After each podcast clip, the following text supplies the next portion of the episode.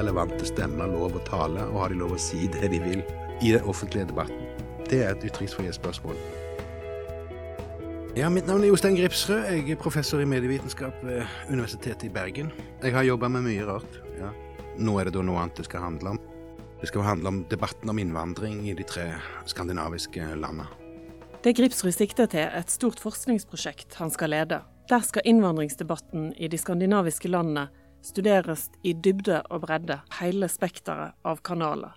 Aviser, TV, radio, men òg kunstuttrykk som romaner og film. De skal finne årene med høyest temperatur og deltaking i debatten, og se særlig på disse.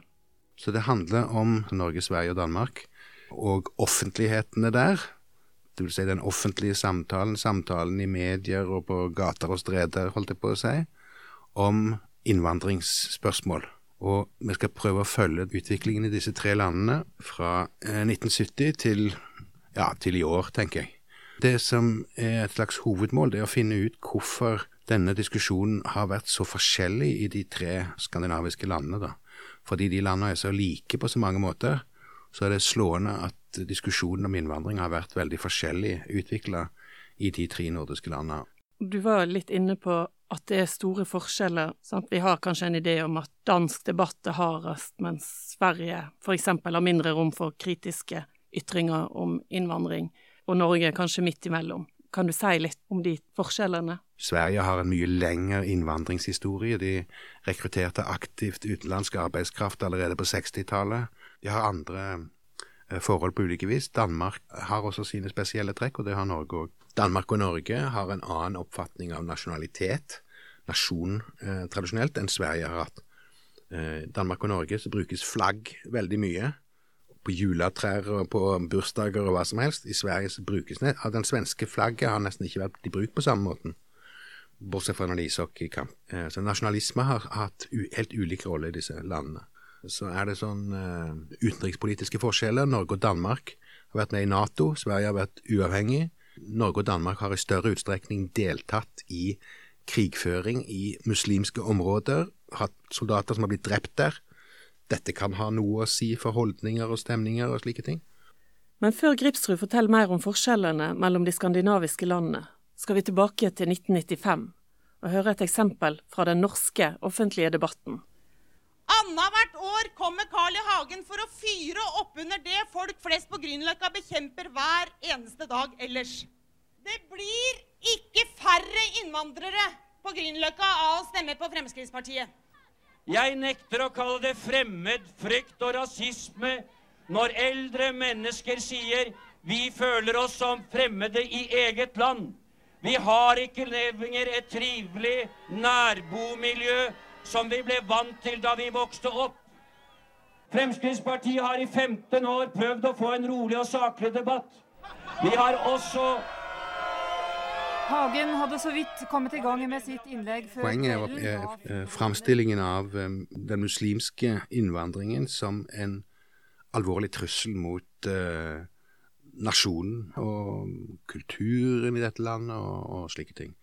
Så det var en, en form for uh, appell til folks frykt i møte med mange med fremmed utseende og fremmede skikker som kom til landet. da men, men, dette var, satte på en måte en slags tone for diskusjonen fra en kant. Men FrPs rolle er jo ikke uttømmende beskrevet med dette. Fordi eh, en kan f.eks. si at eh, Frp òg nettopp ga en røst i offentligheten til de gruppene som var redde.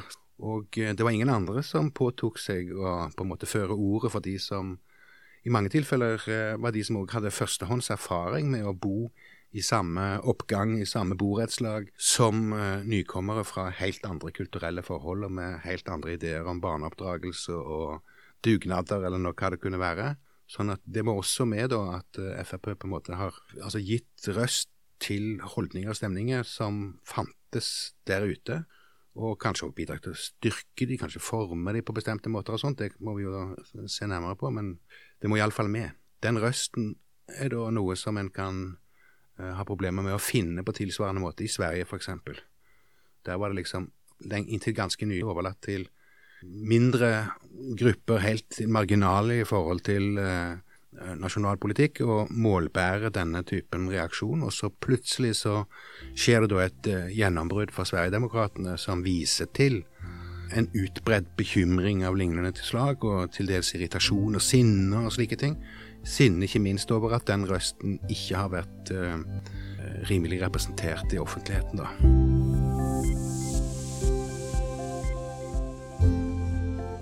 Men når du snakker om eh, forskjellene mellom de skandinaviske landene, er det da store forskjeller i, i, i mediene? Altså Har de de samme typer aviser, f.eks.? Akkurat når det gjelder presse, så er det en veldig viktig forskjell. og Det er at Danmark skiller seg ut ved at de to tabloidene de har, er mye mer rene tabloider av så å si engelsk type. Mens de i Norge, Dagbladet VG, i Sverige Aftonbladet Ekspressen, er mye mer det noen har kalt schizofrene aviser, altså som er halvveis kvalitetsaviser, minst, men med en tabloid form. Så er disse danske avisene mye mer aggressive, de er mer tabloide, sensasjonsorienterte, personorienterte, på en måte kyniske, da vil noen si. Det kan også være gode ting å si om disse avisene, men, men det iallfall gir en annen tone til debatt, og at disse har også spilt på lag med den danske populismen, som kom til uttrykk på forskjellig vis allerede på 60-tallet Eh, men det er Mogens Glistrup og hans Fremskrittsparti, som er forløperne for det dansk, danske folkeparti som vi nå kjenner, var veldig tidlig ute med direkte angrep på muslimer og uh, alt deres vesen, holdt jeg på å si, når de spiller på lag med tabloide aviser. Og det dessuten er sånn at avislesning av såkalte kvalitetsaviser, abonnements, typiske abonnementsaviser, som er veldig uh, gode i Danmark, vil mange si, den lesningen av de avisene er mye lavere i Danmark enn i Norge og Sverige. Så en litt mer oppsplitta offentlighet, da? Ja, mer klassedelt, kunne du også si. Mm. Hva, hva, med Jyllandsposten, da? Den en, eh, kan den sammenlignes med noen aviser vi har i Norge og Sverige? Altså, Jyllandsposten er en uh, spesiell dansk eh, borgerlig avis knytta til partiet Venstre historisk. Vil si, og Venstre i Danmark det tilsvarer da minst Høyre i Norge. Og det er en veldig solid avis på mange måter, med mye eh, grundig og god journalistikk, men også med synspunkter i forhold til innvandring som er temmelig har vært veldig negative, da. Ne dominert av en form for negativ journalistikk lenge. Og det kan være verdt å ha i bakhodet at de altså har en stor kvalitetsavis som har vært nokså enstonig i sin behandling av innvandringsspørsmålet. Så har de også hatt andre aviser som har holdt fram andre perspektiver på dette. Da, ikke sant? Politikken. Den vesle venstreorienterte avisa Informasjon har vært det. Men Jyllandsposten som er sånn framstående, og etter hvert nå den største avisa i Danmark, selv om man kommer ut på Jylland, har nok betydd noe for utviklingen i Danmark også. Du sa i stad at uh, Fremskrittspartiet har fått en stemme i Norge, og gitt en stemme til de som uh, kanskje er mest redde og, og, mest trua, eventuelt av innvandring. Men jeg lurer på motsatt side av spekteret. Ytre venstre, da? Har de fått komme til orde i innvandringsdebatten?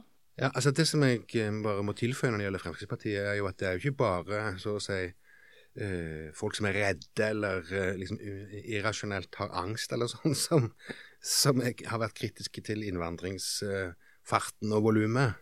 Det finnes jo en del som eh, av helt andre grunner, og av politiske grunner av ulike slag, økonomiske grunner, kan det være, som òg har hatt sine innvendinger, og Frp har også i stor utstrekning representert de, da.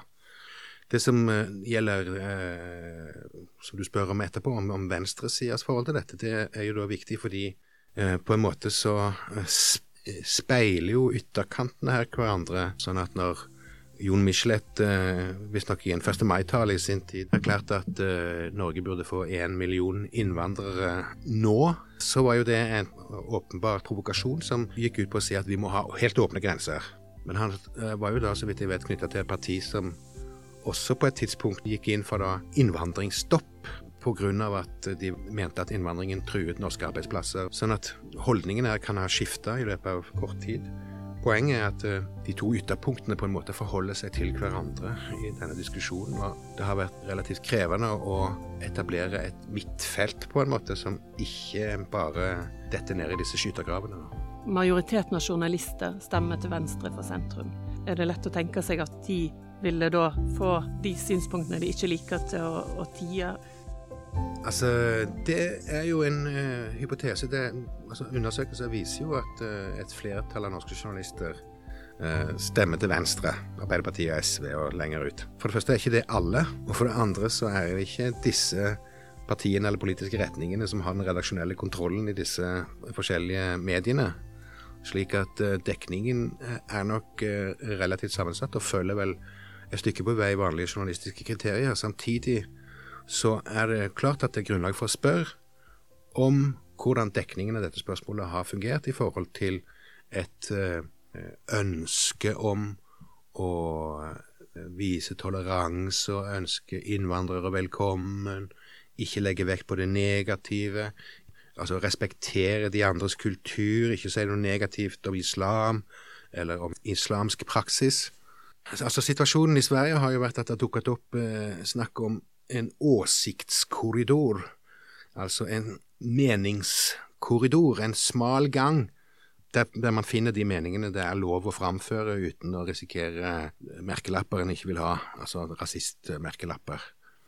Bare det at den ideen dukker opp, tyder jo på at i alle fall så har mistanken om en sånn redigering som du snakker om, altså en veldig innvandringssympatisk dekning av ting, at den mistanken har i hvert fall vært veldig sterk i Sverige, og et det er nok også grunn til, siden noen av disse venstreorienterte som har hatt de riktige meningene, også har begått sjølkritikk som peker i samme retning, så kan det godt være at det er noe i det, men dette må vi altså prøve å belegge ordentlig empirisk hvis vi skal drive forskning på det.